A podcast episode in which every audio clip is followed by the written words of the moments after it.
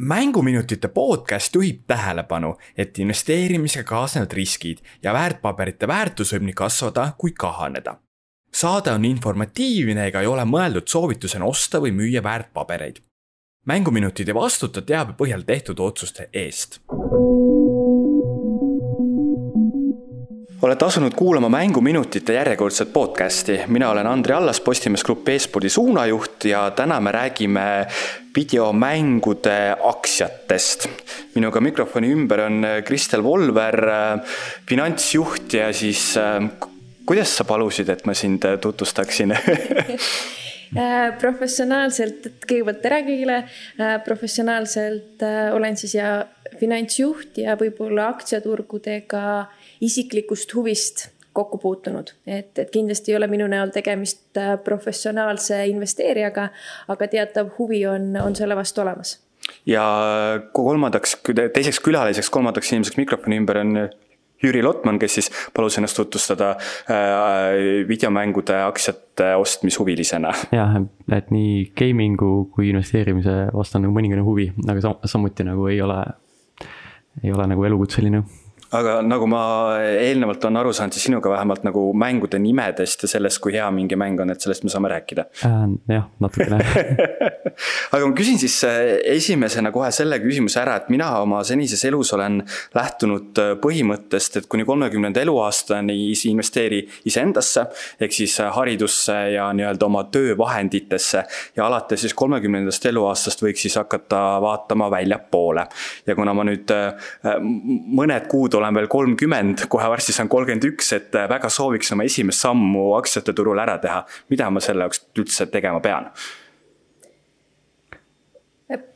võib-olla üleüldiselt äh, võiks enda jaoks ära defineerida eesmärgi ehk et äh, mida sa soovid selle investeerimisega saavutada, kas, kas sa tahad tagada endale pikaajalise stabiilse sissetuleku, mille puhul peab arvestama, et aktsiaturgudel kaasneb sellega pigem iga-aastane madal tootlus, aga samas risk, et, et midagi võib, võib vastassuunas minna ootustele, on, on madalam.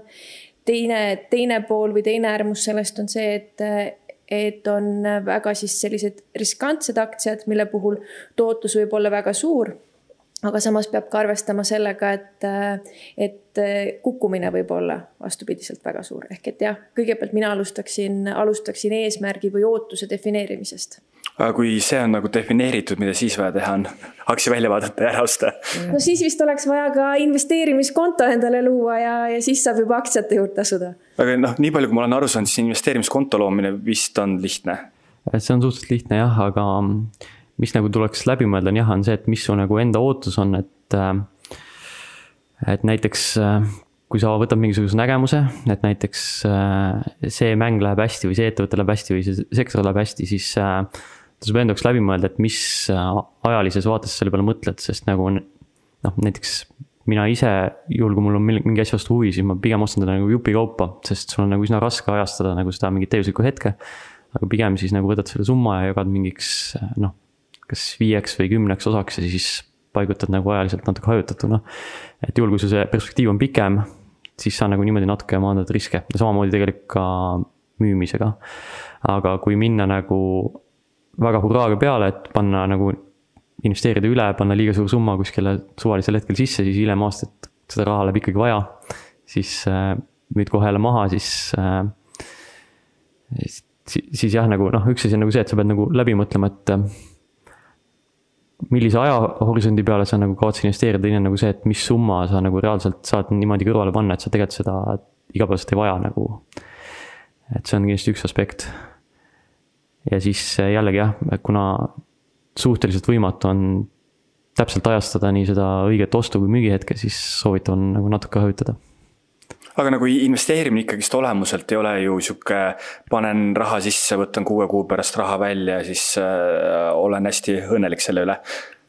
oleneb jälle asjaoludest, et äh, noh, näiteks võib tulla mingi erakorraline sündmus, mis paneb sind vastupidi vaatama näiteks äh, noh, see alati peab olema ka mingi paindlikkus, et äh, et näiteks äh, mingites muudes valdkondades naftaturul on olnud väga suured kõikumised, et siis sa pead nagu panema enda jaoks ka mingid äh, mingid märgid maha, et mis on need hetked, millal ma kindlasti müün või mis on need, millal ma kindlasti ei müü.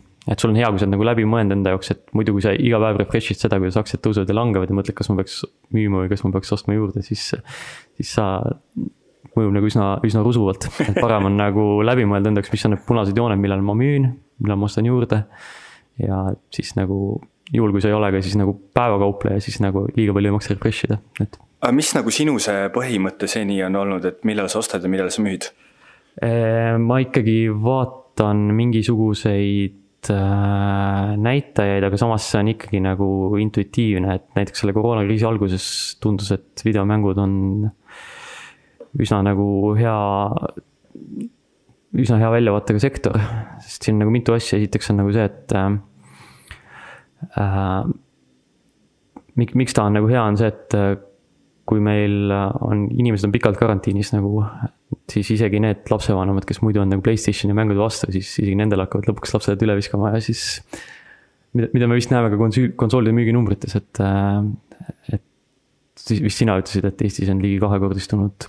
seal osad rääkisid kuuskümmend kuni kaheksakümmend protsenti kasvas äh, konsoolide müük, aga just, et äh, sellised märgilised sündmused, nagu meil praegu oli just koroona varem enne seda, kui ma nagu tagantjärgi mõtlesin, siis tegelikult nagu Bitcoini buum iseenesest oli ka üks niisugune märgiline sündmus, mis natukene mõjutas tehnoloogiasektorit, küll nagu äh, graafikakaartide tootjate aktsiaid väga. et selles mõttes Bitcoinist ma kindlasti ei taha peatuda, vaid et just, et kuidas äh, koroona mõjutas just seda mängutööstust, sa natuke juba rääkisid, aga tegelikult ju kogu, kogu aktsiaturg ju tegelikult ju kukkus kokku sellel hetkel. jaa. no tegelikult kokku vist ei kukkunud otseselt, aga no väikse languse. jah, väga, väga suur langus tekkis tegelikult, võiks isegi öelda pea üleöö või, või üle kahe öö. Äh, märtsi keskpaigas siis kogu aktsiaturg otsejooneliselt äh, kukkus, äh, kukkus läbi aegade madalamale seisule. aga, aga sealt tegelikult hakkas järk-järguliselt ka väga suur kasv ülesse kui vaadata võib-olla spetsiifilisemalt tehnoloogia või, või kogu meelelahutuse, sealhulgas siis, siis tegelikult kogu seda mängusektorit, siis ilmselgelt need, nende valdkondade ettevõtted on, on siit tulnud välja kõige suuremate võitjatena. just see, et inimesed pidid olema kodus, inimesed otsisid, otsisid tegevust, just seesama, millele ka Jüri viitas, et, et mängukonsoolide ost ja, ja kogu selline kodune tegevus, kui kindlasti Netflixid, HBO-d ja, ja kui me räägime B2B poolest, siis äh, tehnoloogiaettevõtted buumisid, buumisid just selles vaates, et, et, äh, et kogu see remote work ja, ja kogu selline kodune, kogu kodune ülesehitus selleks, et äh, nii äri kui ka igapäevane tegevus saaks jätkuda mm.. aga kas siis teist keegi ostis selle kõige madalamal hetkel omal aktsiaid äh,? ma ei tea, kas kõige madalamal, aga ma ostsin seda CD Projekt Redi siis, kui ta oli kolmsada slotti. vahepeal ta läks üle neljasaja, praegu ta on vist kuskil kolmsada kaheksakümmend, kolmsada üheksakümmend seal vahemikus. et äh, see oli nagu hea, hea ajastus ja CD Projekt Redist konkreetselt rääkides, siis sa loodad, et see aktsia nüüd äh, tänu CyberPunk kaks tuhat seitsekümmend seitsele hakkab veel hüppama ähm,? jah, et ma kindlasti nagu tahaks seda hoida seni, kuni see mäng on vähemalt nagu kaks-kolm kvartalit müünud, et oodata see, need tulemused ära. kui oluline üldse aktsiate ostmisel on see emotsionaalne side? et mu ema äh, rääkis mulle lugu, kuidas ta Soomes puutus kokku inimestega, kelle vanaisa või vana-vanaisa, vanaisal meeldis kalal käia ja kalal käijal on vaja kummikuid ja siis äh, Nokia ju alustas nii-öelda kummikute tootmisettevõttena, siis ta ostis Nokia aktsiaid. ja tänu sellele siis äh, sellel nii-öelda suguvõsa harul on seni läinud väga hästi ilmselt emotsionaalsel väärtusel on, on kaks poolt. üks pool on see, et, et kui, kui sul on mingi valdkonna või ettevõttega kindel side, siis see tegelikult tagab tegelikult selle, et, et sa tunned esiteks seda turgu väga hästi ja sa tunned ka selle ettevõtte käekäiku. ehk et sul on võib-olla ka parem hinnata või, või aduda seda, et, et kuhu see ettevõte võib liikuda ja, ja mis, mis positsiooni ta turul hoiab või, või kuhu ta kasvab. teisipidi emotsionaalse väärtusega on, on teisipidi see negatiivne pool, et, et kui sa oled millessegi väga väga kiindunud, siis, siis sa võib-olla sead sellele ka äh, kõrgemaid ootusi või lootusi ja, ja see võib teisipidi jälle, jälle nagu ütleme siis negatiivse poole pealt äh, aktsiahinna mõttes võib hind ära kukkuda ja, ja sa tegelikult ei, ei ole suutnud seda märgata. Et nagu emotsionaalse sidususe puhul just rääkides nagu videomängude aktsiatest, siis noh, mina olen nagu see põlvkond, kes tegelikult hakkas mängudega koos üles kasvama. meie põlvkond saabki siis praegu sihuke kolmkümmend, üle kolmekümne, et me oleme esimest korda sellises positsioonis, kus meil võiks nüüd natukene nagu rohkem raha kätte jääda, kui kahekümne aastasena, kui eesmärk oli põhimõtteliselt pangakontot miinusesse oma lasta. et äh, palju, palju mängudega sihukest emotsionaalset sidusust võiks olla või nagu mängude aktsiate ostmisega just?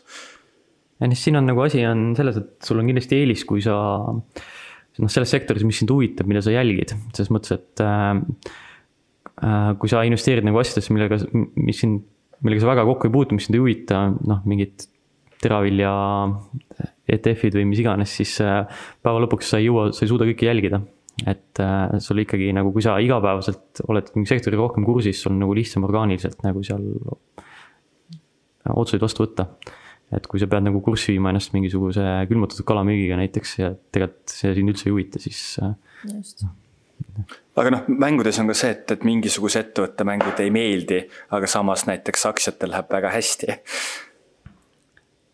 noh jah, see on sihuke nagu kaine mõistus, et pead suutma nagu ratsionaliseerida, et, et äh, et mul, mulle, mulle Toyota ei meeldi, aga meeldib BMW, aga Toyota müüb paremini näiteks, siis ikkagi mm. Toyota on hea aktsia, et noh, see on sihuke igal alal.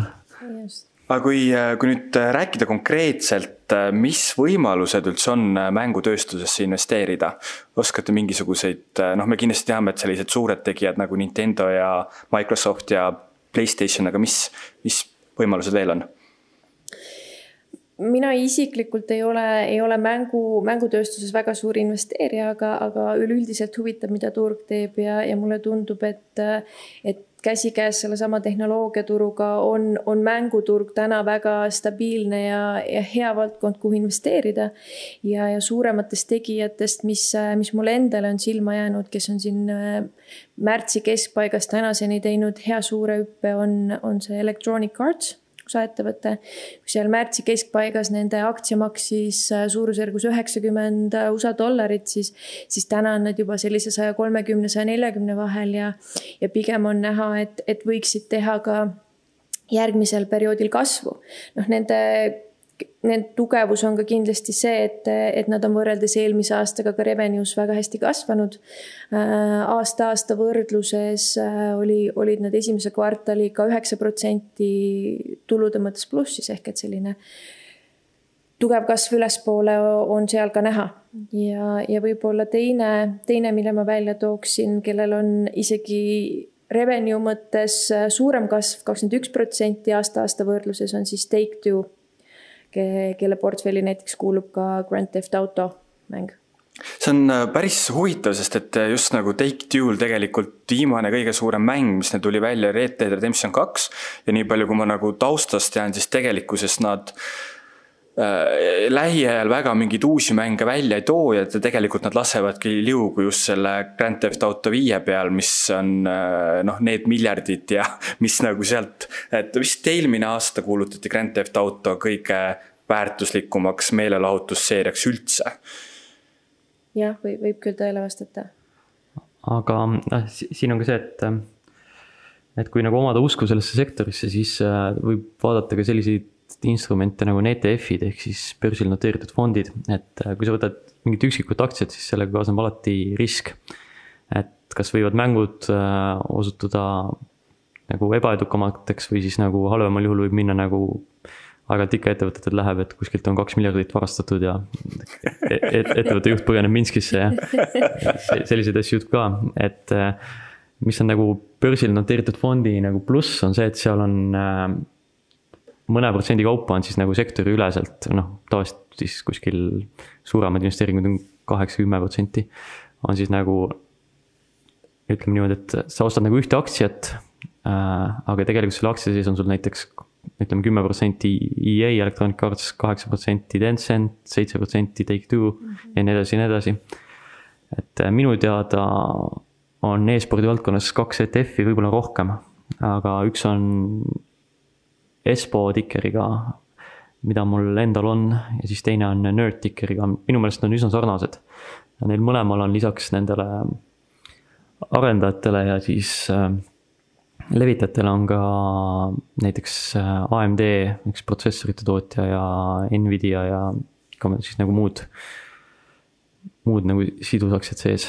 et see on nagu üks võimalus võtta nägemus selle peale, et sektor tervikuna kasvab, ilma et sa võtaks liiga suurt riski ühes aktsias, ongi siis nagu võtta börsil noteeritud fondi, mida tegelikult on sama lihtne osta kui aktsiat just äh, jäi kõrvu hiljuti uudis, et Nvidia väärtus on nüüd suurem kui Inteli oma, mis tuli päris, äh, päris suure üllatusena mulle vähemalt. sest Intel on kuidagi alati sihuke nagu massiivne mingi tööstusharu ja siis äh, Nvidia on sihuke, et tervist, meile meeldib mängida, me toodame mänguritele suunatud graafikakaarte aga nii palju, kui ma taustast saan aru, siis see vist tulenes sellest, et nad sõlmisid Mercedesega mingisuguse lepingu, et kõikidel isesõitjatel Mercedestel hakkavad olema Nvidia graafikakaardid küljes. jah, siin vist rääkisin hiljuti ühe inimesega, kes on tegev nagu mängude maailmas, siis ta rääkis väga, et suur läbimurre on see uus Unreal'i engine vist või? jah, jah, jah. et mis võimaldab, et sealt kindlasti võib tulla nagu ka siis riistvara poole pealt nagu kasvu, et äh, et kuna see tehniline võimekus mängusektoris on nii hüppeliselt kasvamas no seal, see on hästi mitmest asjast sõltuv, sest et praegu me ju näeme eh, üle seitsme-kaheksa aasta, et lõpuks tulevad uued eh, mängukonsoolid välja, mida on niivõrd kaua oodatud. ja, ja et noh, sellise arvutimängurite klassikaline lause, mida nad ütlevad, on see, et konsoolid hoiavad ähm, videomängude graafilist jõudlust kinni. sest et ikkagist konsoolid tänapäeval mood-, moodustavad väga-väga suure osa mängude, mängude tööstusest. aga tulen korraks tagasi sinna, et mida esimesena teha äh, aktsiaid ostes, siis ma saan aru, et tegelikult Eesti inimesel tänapäeval on võimalik üle maailma osta igalt poolt aktsiaid jah, on, on väga vähesed äh, aktsiad, mis on just ainult professionaalsetele finantsinvesteerijatele, et, et üldjuhul kõik sellised enamlevinud aktsiad on, on kõigile kättesaadavad ka siitsamast Eestist. ja palju sealt pealt makse tuleb maksta see, see jällegi oleneb, et, et kes on investeerija, et ja, ja läbi millise, millise asutuse või, või ettevõtmise investeerida. et, et kõige sellisem võib-olla lihtsam lahendus, mida ma eraisikuna ise olen kasutanud, on Revoluti lahendus, kuhu siis äh, saad lihtsasti laadida oma pangakontolt äh, raha ja, ja sealtkaudu toimetada mm,. aga need, mis need Eesti pangad pakuvad, LHV-d, igasugused siuksed investeerimiskontod mina isiklikult kasutan LHV-d, aga jällegi kaal-, kaalun ka selle peale, et tõesti peaks Revoluti peale minema, et. aga miks sa, miks sa seda kaalud? Äh, teenustasude pärast, et äh, on ikkagi tunduvalt oluliselt odavamad. noh, tegelikult, mida veel kasutatakse Eestis suhteliselt palju, on see Interactive Brokers. seal vist miinimuminvesteering kas viis tuhat äh, või noh, jällegi, mis on nagu LHV pluss alustavale investorile, ma nüüd sada protsenti kindel ei ole, kas veel nii on, aga lihtsalt Balti aktsiate ost-müük ja hoidmine tasuta.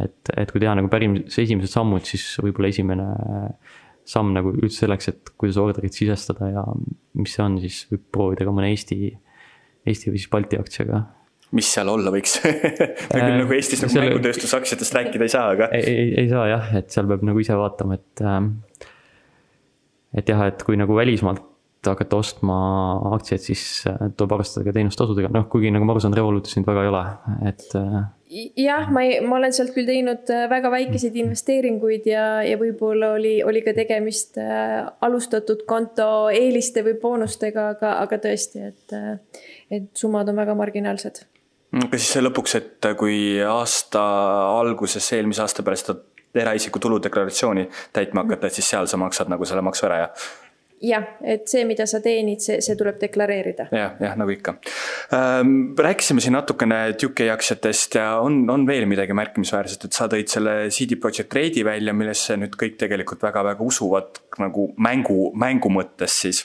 aga on, on veel midagi sellist välja tuua eraldi uh,? noh, CD Projekt Redi puhul, mis mulle nagu meeldib, on see, et ta on sihuke nagu, tundub, et ühtepidi ta on nagu kasvuaktsia ja teistpidi ta on juba kasumlik ja üsna, noh, ta kasvatab nii käivet kui kasumit üsna okeilt, et see on nagu, nagu head näited. et äh, aga ma kaldun arvama, et selles sektoris ongi niimoodi, et äh, Need, kes on need kõige atraktiivsemad väiksed, suured noh, väiksed tulijad, kes tulevad suure nagu hooga, et need ei olegi nagu ligipääsetavad jaeinvestorile, et seal on kas siis mingid private equity või siis. et nad kaasavad, kaasavad raha nagu mujalt kui siis nagu börsilt mm, -hmm. et mhm. tavaliselt kas tehakse mingi suunatud pakkumine kellelegi ja siis. ja siis mingisugune fond või, või, või siis mingi suurem ettevõte investeerib otse, et, et arendajate ja levitajate poole pealt nagu seal liiga suurt valikut turul ei olegi aga mul on jäänud kõrva mõiste dividendiaktsia. dividendiaktsia on äh, selline aktsia, mis äh, või ettevõte, mis, mis maksab äh, regulaarset dividendi.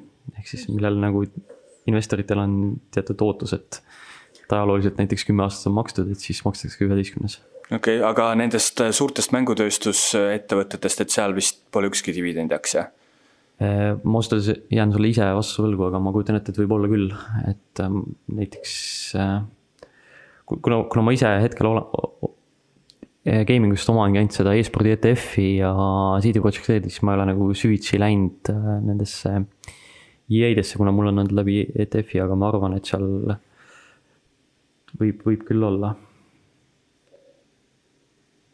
hetkel kiiresti kontrollisin, et näiteks seesama Electronic Arts, tema puhul ma ei, ei näe dividendide osas märget. et, et nad, et nad midagi maksaks, aga, aga tõesti, ma ei, ei, ei oma ka selle sektori osas nii, nii head ülevaadet aga rääkides ähm, sellistest üldisematest teemadest, kui raske on tulla toime kaotustega ma arvan, et kui sa oled teinud enda peas otsuse, et, et sa tahad minna aktsiaturgudele mängima, siis, siis alati tuleb meeles pidada, et need tegevused ja need tagajärjed, mis seal toimuvad, ei, ei sõltu sinust. ja, ja selle kõigega kaasneb alati risk. noh, näiteks seesama koroonakriis, mida ilmselt aasta aega tagasi me ei osanud keegi ette näha. et, et sellised asjad võivad juhtuda ja see võib paratamatult kogu, kogu aktsiaturgu mõjutada mida, mida tuleb aga, aga silmas pidada, on see, et, et kui sul on vähegi närvi, siis äh, iga väiksema tweet'i pealt toimunud äh, turuvõnkega ei tasu kaasa minna sest et äh, kui sa oled investeerinud tugevasse aktsiasse, millel on äh, suur tulevikupotentsiaal, siis, siis turg on selline huvitav loom, et, et seal toimuvadki üles-alla võnked. Ja, ja kui mingi hetk on, on võnge allapoole, siis, siis ei tasu vähemalt kogu oma portfelli tormata realiseerima, sest et kaotus, kaotus võib olla oluliselt suurem kui, kui tulevikus, tulevikus saadav võit. Et ja aktsiaturu puhul tuleb ka silmas pidada seda, et et turg tavaliselt äh, reageerib küll, küll üksikutele sündmustele, aga samas alati on pigem suund tuleviku poole. ehk et tegelikult see on ka põhjus äh, suuresti, miks meil on täna küll majanduses äh, koroonapandeemiast tekitud, tekitatud olukorda, aga kui me vaatame aktsiaturgu või, või indekseid, siis, siis kõik läheb ülespoole. ja põhjus ongi see, miks nad ülespoole lähevad, et et jälgitakse seda, mida toob tulevik ja jälgitakse siis sellist nagu tule, tulevikulubadust. turg tegelikult ju käitub nii, et, et kuna kardetakse inflatsiooni, siis äh, kõige parem viis oma raha hoida on hoida seda tugevates äh, equity tes just selleks, et seesama, et sul on see dividendi tootlus mm -hmm. ootuspäraselt ja, ja väärtuse kasv, on ju et, et sul on nagu kahe, kahest kohast võita just eriti, kui, kui raha pangakontol lihtsalt seistes pigem kaotab ajas väärtust, kui, kui sulle midagi juurde teenib. ja kas see on siis seesama põhimõte, millest tegelikkuses tuleks ka raskeid otsuseid tehes lähtuda? ehk siis, et mõelda alati, et äh, tulevikus rohe, rohi on rohelisem no jah, nii, niivõrd-kuivõrd, et, et tuleb ikkagi ka natukene vaadata sellist reaalsituatsiooni, et, et kui, kui tugev see positsioon või kui tugev selle ettevõtte majanduslik positsioon on, ehk et, et ettevõtted, mille puhul äh, me heal ajal räägime, räägime selliselt, et, et investeerida võiks äh, riskialdimatel investoritel, nendele, kus on, kus on küll võib-olla nõrgem bilanss, aga, aga äri sisu või, või tuleviku väljavaade on, on hea, siis ma arvan, et sellistel keerulisematel aegadel tasuks pigem fookus seada sinnapoole, et need ettevõtted, kellel on väga tugev bilanss, neil on tugev rahaline võimekus, siis nende võit olukorrast on, on kindlasti suurem, kuna, kuna väiksemad tegijad kas hakkavad turult kaduma, nad on raskustes mis teisipidi soosib olukorra, kus suuremad saavad väiksemaid osta ja tegelikult kriisist ise veel suurematena väljuda tahad midagi lisada ise, Jüri see jutt läheb niivõrd nagu targaks ära, et ma arvan, et ma lähen siit jälle kohe ost-, ostangi oma esimesed okay. aktsiad ära. aga mis on kõige levinumad algajate vead uh,? mida ma nüüd lähen kohe siis tegema e-, Enda kogemust esimene viga, mis mul oli, esimene aktsia, mis ma ostsin, oli see, et nägin hästi suur usk ja hästi suur äh, nägin hästi suurt potentsiaali nii ettevõtte juhtkonnas kui kõiges, aga mida ma ei osanud arvestada, oli see, et tegelikult see kasv oli juba aktsia hinna sees ehk siis äh, kõik see ilus jutt, mis, mille pärast ma seda aktsiat ostsin, see oli nagu, võis tõele vastata, aga turg oli seda juba niimoodi hinnastanud. ehk siis tegelikult see, et mingil ettevõttel on suur tulevik, ei tähenda seda, et see tulevik täna ei ole juba hinna sees küsitud. aga millest see, see sõltub või kes otsustab seda? Äh, selleks on erinevad suhtarvud, mida sa saad vaadata, et näha, et kas aktsia on suhteliselt kallis või ta on suhteliselt odav. et äh, näiteks price earnings ja äh, tegelikult selle asja, mida tasuks nagu lühidalt guugeldada või siis endale natuke selgeks teha, on fundamentaalne analüüs. ehk siis nagu ei pea minema nagu liiga tiibiks, aga sa saad mingit enam-vähem äh, näitajad kätte, mille alusel nagu ettevõtteid võrrelda, et nagu näiteks noh, ettevõte A võib, aktsia võib maksta kakssada eurot ja teine võib maksta nagu kaks eurot, aga see ei tähenda, et see kakssada eurot ettevõtet on suhteliselt kallim kui see, mis maksab kaks eurot mida võib-olla algajale soovitada, kasvõi selleks, et natukene erinevaid aktsiaid võrrelda või, või lihtsamini suhtarve kätte saada, siis mina, mina isiklikult olen harjunud kasutama sellist äppi ja neil on ka tegelikult veebirakendus nagu Yahoo Finance, kus sa, kus sa saad siis erinevaid aktsiaid, millega turul kaubeldakse, otsida, seal on igasugused niisugused äh, põhilised näitajad, ettevõtte tutvustused ja, ja tegelikult isegi parameetritena soovitused, et, et millal osta, millal müüa, mis positsioonis see aktsia antud ajahetkel on. loomulikult, eks, eks see ei ole, eks see ei ole puhas kuld ja, ja alati tuleb ka, tuleb ka ise täiendavalt uurida ja oma sisetunnet usaldada, aga, aga võib-olla see on selline hea komp-, kompaktne koht, kust, kust võiks otsida ja vaadata. mis mina ise olen nüüd äh, paar aastat teinud, on see, et kasutan Google'it, äh, lükkan sinna ettevõtte nime ja panen siis sinna järgi stock. ja siis äh, Google'is ka samamoodi tegelikult sa saad nagu noh, et kas see finantsaasta või see jooksev aasta või viimased viis kuud saad nagu selle aktsia, aktsia hinna liikumise ära nagu teada ja siis ma olen nagu unistanud ja kasutanud mõistet, et mis siis oleks, kui mm. -hmm. nojah, et, et võib-olla kas tulles selle, kasvõi selle Yahoo Finance'i juurde, et seal ta tegelikult ka update ib äh, relevantseid artikleid, mida kuskil on äh, avaldatud ja, ja annab sulle võib-olla selle aktsia osas sellise hea kompaktse ülevaate, mitte ainult võib-olla nendes finantsnäitajates, aga, aga ka selle osas, et, et mida sellest kirjutatakse või, või mis iganes uute asjadega nad on välja tulnud või, või mida turg neist arvab mm. -hmm. kas äh, nendest äh praegu juba nimetatud asjadest ja siis nendest aktsiate kogumikest on veel mingisuguseid põnevaid asju, kuhu või mille suunas te ise olete mõelnud, et kui natuke rohkem vabu vahendeid oleks, tahaksite inves-, investeerida? võib-olla küll ei haaku otseselt äh, mänguvaldkonnaga, aga, aga mida ma olen ise jälginud, on kõik sellised äh, tehnoloogia ettevõtted, noh, loomulikult suurtest nimedest ei, ei saa üle ega ümber, kui me räägime, räägime, räägime, aga, aga näiteks üks noh, väiksem tegija, kes on mul ise just Covid-19 raames silma jäänud, on Zebra Technology, kes, kes tegeleb siis, tal on siis selline tracking system ehk et nad siis tehnoloogiliselt jälgivad siis pakkide või, või saadetiste, saadetiste kulgu. ja ma tean, et, et nad on kogu selle Covidi, Covidi raames tegelikult koostööd tegemas muu turuga, ehk et sealt pealt võiks, võiks oodata kasvu. ja, ja, ja teine on mitte nii väga võib-ollagi tehnoloogia, aga on Exact Science kes tegeleb siis äh, vähitestimistega ja tegelikult on kogu Covidi maailmas kõik, kõige lähemal sellele, et, äh, et seda testimist ja, ja ravimi väljatöötamist siis vaadata. aga e-spordiga jah, nagu Kristel ütles, siis ongi kogu see tehnoloogia ökosüsteem on nagu seotud, et, et sul on siin ka võrguseadmete tootjad ja telekommunikatsiooni operaatorid, et, et näiteks võib täiesti olla huvitav ka näiteks vaata Teliat selles samas Rootsi börsilt. Äh, või tegelikult, kui me räägime, et, et, äh, et Balti börsilt on võib-olla võimalik ilma teenustasudeta, siis, siis Telia peaks olema ka Leedus noteeritud mm. -hmm. et, et ka tegelikult telekomid, kogu see mobiilne internet, noh, kõik see on nagu üks ökosüsteem mm. -hmm. et kui me räägime, et mobile gaming on nagu suur tulevik, siis seal, eks ole, on terve nagu rida, noh, terve suur maailm nagu aktsiaid, mida vaadata ja ega telkode puhul ei tohi ära unustada, et see kõige suurem väärtus on ju see infra, see internetiühenduse maailm ja, ja infrastruktuur selle taga, et, et see väärtus ei, ei kao kuhugi mm. -hmm.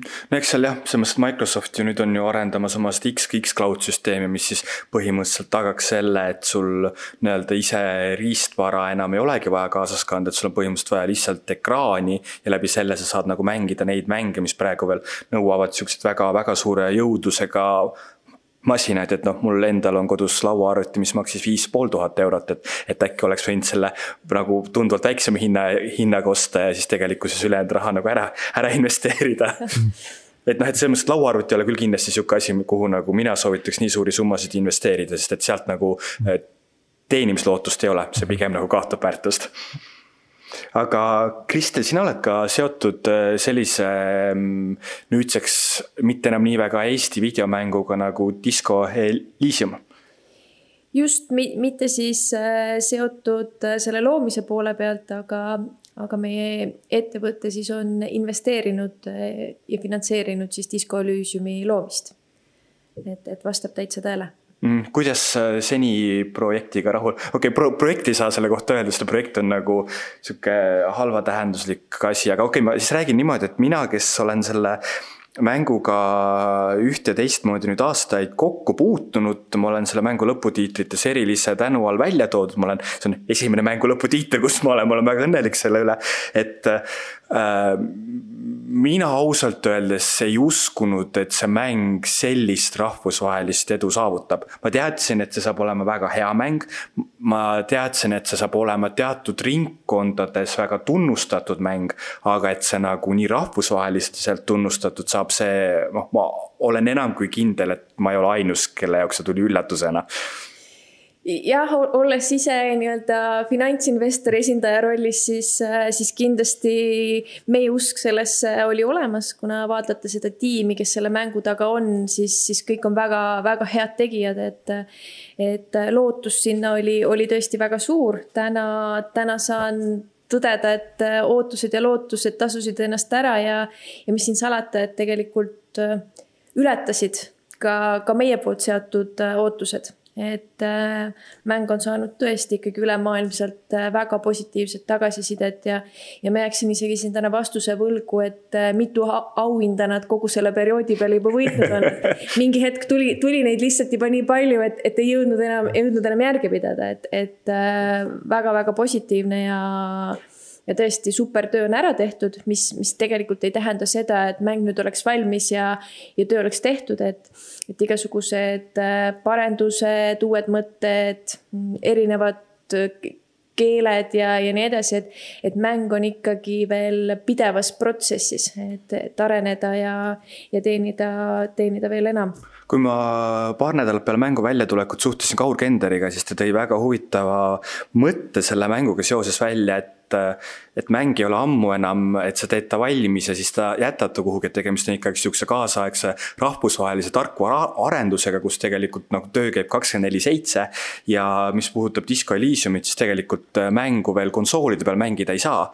ja nüüd hiljuti kuulsime, et ka tahetakse sellest sihukest animeeritud telesaadet teha ja et, et nagu see, see loodud äh, maailm äh, võib veel väga suurt oma elu hakata elama. ja, et et kõik, kõik see vastab tõele, kõik, kõik need mõtted on laual ja, ja olen Kauriga vägagi nõus, et, et kui me, kui me vaatame ka kaugelt, et, et meeskond töötab tä, täpselt sama entusiastlikult ja täpselt sama palju kui varem, ehk et, et, et selleks, et ka see tänane mäng kenasti püsti püsiks ja see, et, et mängijatel oleks midagi uut ja, ja oleks, oleks, mida oodata, et, et selle nimel tehakse iga päev tööd. Te kumbki olete ise seda mängu proovinud ka?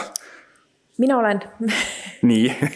Ma ei, ma pean äh, tunnistama, et, äh, et ma olen äh, kogu, kogu mängumaailmas mänguri seisukohast väga halb, et, et mu oskused piirduvad WRC mänguga, aga aga, aga jah, mis puudutab diskolünd, ma olen seda alustanud ja pigem, pigem olen seda lugu, mis sealt edasi saab, kuulnud teistelt osapooltelt, aga mm., aga jah, ma olen, olen selle, sinna, seda nii-öelda ise, ise füüsiliselt näinud ma olen mänginud mingit äh, üsna early betat äh, kunagi, siis kui stuudio oli veel Tallinnas äh,. pikalt ei mänginud seda seepärast, et see ei olnud Maci peal väljas, nüüd, nüüd on ta vist Maci peal väljas. jah, on ja. juba tegelikult mõnda, mõnda aega Maci peal väljas. ei, ei ole veel jõudnud, mul on kogu aeg mõttes, aga ma jah, ma olen nagu nii palju sellest mängust kuulnud ja et kuna tunnen ka hästi neid tegijaid siis, siis on niisugune tunne, et ei peagi nagu enam mängima, et sa oled nii, nii, nii kursis sellega ja nii teemas sees natukene sama, sama tunne, et. No mina ise olen Disco Elysiumi kohta öelnud, et äh, parim mäng, mida ma ei ole kunagi mänginud. ehk siis, et, et äh, ma olen teda mänginud täpselt nii palju, kui ma teda õhtusaate otse-eetris mängisin. ja nüüd ma loodan, et kui mul kunagi peaks tekkima võimalus puhkus välja võtta, et siis ma nagu kindlasti võtan selle ette. aga jah, seni, seni, seni ei ole ka väga, väga õnnestunud seda nautida. aga mis mulle Disco Elysiumi puhul väga meeldis eriti nagu meedia poole pealt rääkida, et meil olid põhimõtteliselt kõik suuremad päevalehed rääkisid sellest mängust, mitmes oli ka see esilehena pildina toodud välja, mida oli noh, mina, kes tegelikult Eesti nii-öelda mängumeediaga olen tegelenud seal sihuke viimased kümme aastat. et noh, et see on sihuke nagu minu silmis väga märgiline saavutus ja samas ka see, et, et kui palju ma kuulsin inimesi rääkimas sellest mängust ja hakkad, hakkasid tänu sellele ka nagu mängutööstusesse palju paremini suhtuma. ja üks mu tuttav Indrek Kasela, kes ka investeerib, siis tema nüüd tagantjärgi küll ütles, et näiteks kui temal oleks seda projekti tulnud pakkuma, siis ta kindlasti oleks sinna raha paigutanud. aga noh, see võibki sihuke tagantjärgi tarkus olla, et kas te tunnete, et tänu sellele mängule küll mitte nagu erainvestorite, aga selliste suurinvestorite puhul on kuidagi nagu, kas nad julgevad rohkem vaadata selle tööstuse suunas? jah, ma, ma julgeks pakkuda küll, et, et eks iga edulugu innustab ju, innustab ju positiivsemalt kogu sektori poole vaatama. aga, aga täna ma ei, ei ole küll sellest Disco Elysiumi edust tulenevalt ise, ise mingisuguseid uusi investeeringuid või, või suundi enda jaoks avanud. kuid, kuid jah, kindlasti fookus ja, ja vaade sellele on on positiivne et kui me räägime sihukest kahe tuhandendate äh, keskpaiga teemast, siis noh, et öeldakse, et tegelikult Skype'i mahamüümine just ju tekitas ju Eestis sellise äh, startup'ide buumi, sest et see üks edulugu ja see vahendid, mis tänu sellele tekkisid siia. ma arvan, et mis seda meelsust kindlasti muudab, on äh, tegelikult, ma ise näen nagu üsna mitut ühiskondlikult tendentsi, mis nagu soodustavad mängu teemat, üks on nagu seesama, kasvõi nagu koroonaviirus. et inimesed enam reisile minna ei saa, aga, või noh, saavad nagu vähem reisida, et kasvõi nagu lennupiletid lähevad kallimaks või mis iganes, et siis äh, mida saad teha, on nagu siis reisida oma peas, et eks ole, et äh, milleks siis nagu videomängud on suurepärane võimalus, et kasvõi sama uus Microsoft Flight Simulator, kus on terve maailm nagu kaardistatud või siis nagu teine, teine teema, mis kindlasti nagu oluline on see rohelepe ja kliima soojenemine, mis ka, eks ole, pärsib siis nagu nii tarbimist või füüsilist tarbimist kui ka siis äh, reisimist näiteks. et siis äh, jällegi, et, et kui sa saad olla vähem vaba nagu füüsilises maailmas, siis võib-olla virtuaalses saad olla rohkem. ja nagu äh, noh, ja siis teine, teine asi, mis on kindlasti on see, et, et mida paremaks muutub see nagu äh, empiiriline kogemus või mida see te tehnoloogia sulle võimaldab, mida realistlikumaks see asi muutub, siis äh, noh. seesama näide näiteks, et Ferrari F50 on tehtud mingi kolmsada viiskümmend tükki, et maailmas on kolmsada viiskümmend inimest, kes saavad sellega sõita, aga virtuaalselt saavad sellega sõita igaüks mm. -hmm. et mingis mõttes nagu see virtuaal, virtuaalne maailm on sihuke äh, egalitaarsust või näilist egalitaarsust vähemalt loov nagu mehhanism, et, et, et võib-olla saad nagu päeval töötad seal Tescos ja laod kaste, aga siis õhtul lähed, sõidad selle Ferrari F50-ga ja reisid kuskile, et. et ma arvan, see, see nagu kindlasti äh, muudab seda ühiskondlikku, noh, et kui siiamaani nagu tihti on mõeldud, et mängimine on aja raiskamine ja geimerid on no-lifer'id ja.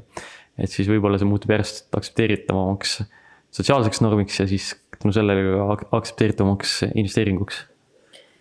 et, et kogu mängumaailmas ju väga suur trend on kogu e-gaming, kus, kus inimesed tulevadki suurtesse saalidesse, noh nüüd küll mitte tänases olukorras, aga varem ju suurtele staadionitele kokku, et vaadatagi, kuidas mingi seltskond inimesi mängib.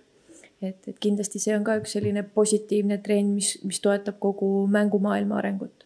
noh, mul endal on väga mitmeid tuttavaid, kes tegelikult äh, läbi siis äh, võrgumängude on leidnud omale kuskilt muust maailmast sõbrad ja näiteks üks mu kursaõde nüüd ongi viimased neli aastat elanud Norras, sest et ta leidis sealt oma sõbrad, kes leidsid talle töö ja siis ta läks sinna ja nüüd eh, elab väga head elu ja on väga rahul sellega et, et inimene on ju sotsiaalne loom. täpselt, täpselt. ja, ja kui ühiskond või, või füüsiline keskkond seab meile piirangud selleks, et, et sotsiaalselt äh, läbida, siis, siis ma arvan, et see on üks väga hea väljund mm. -hmm ma arvan, et see ongi kõige õigem mõte, millega tänast podcast'i lõpetada. mina ütlen teile igal juhul suur aitäh ja tänu teiega suhtlemisele ma lähen küll ja ostan oma esimesed aktsiad ära. aitäh. aitäh, aitäh..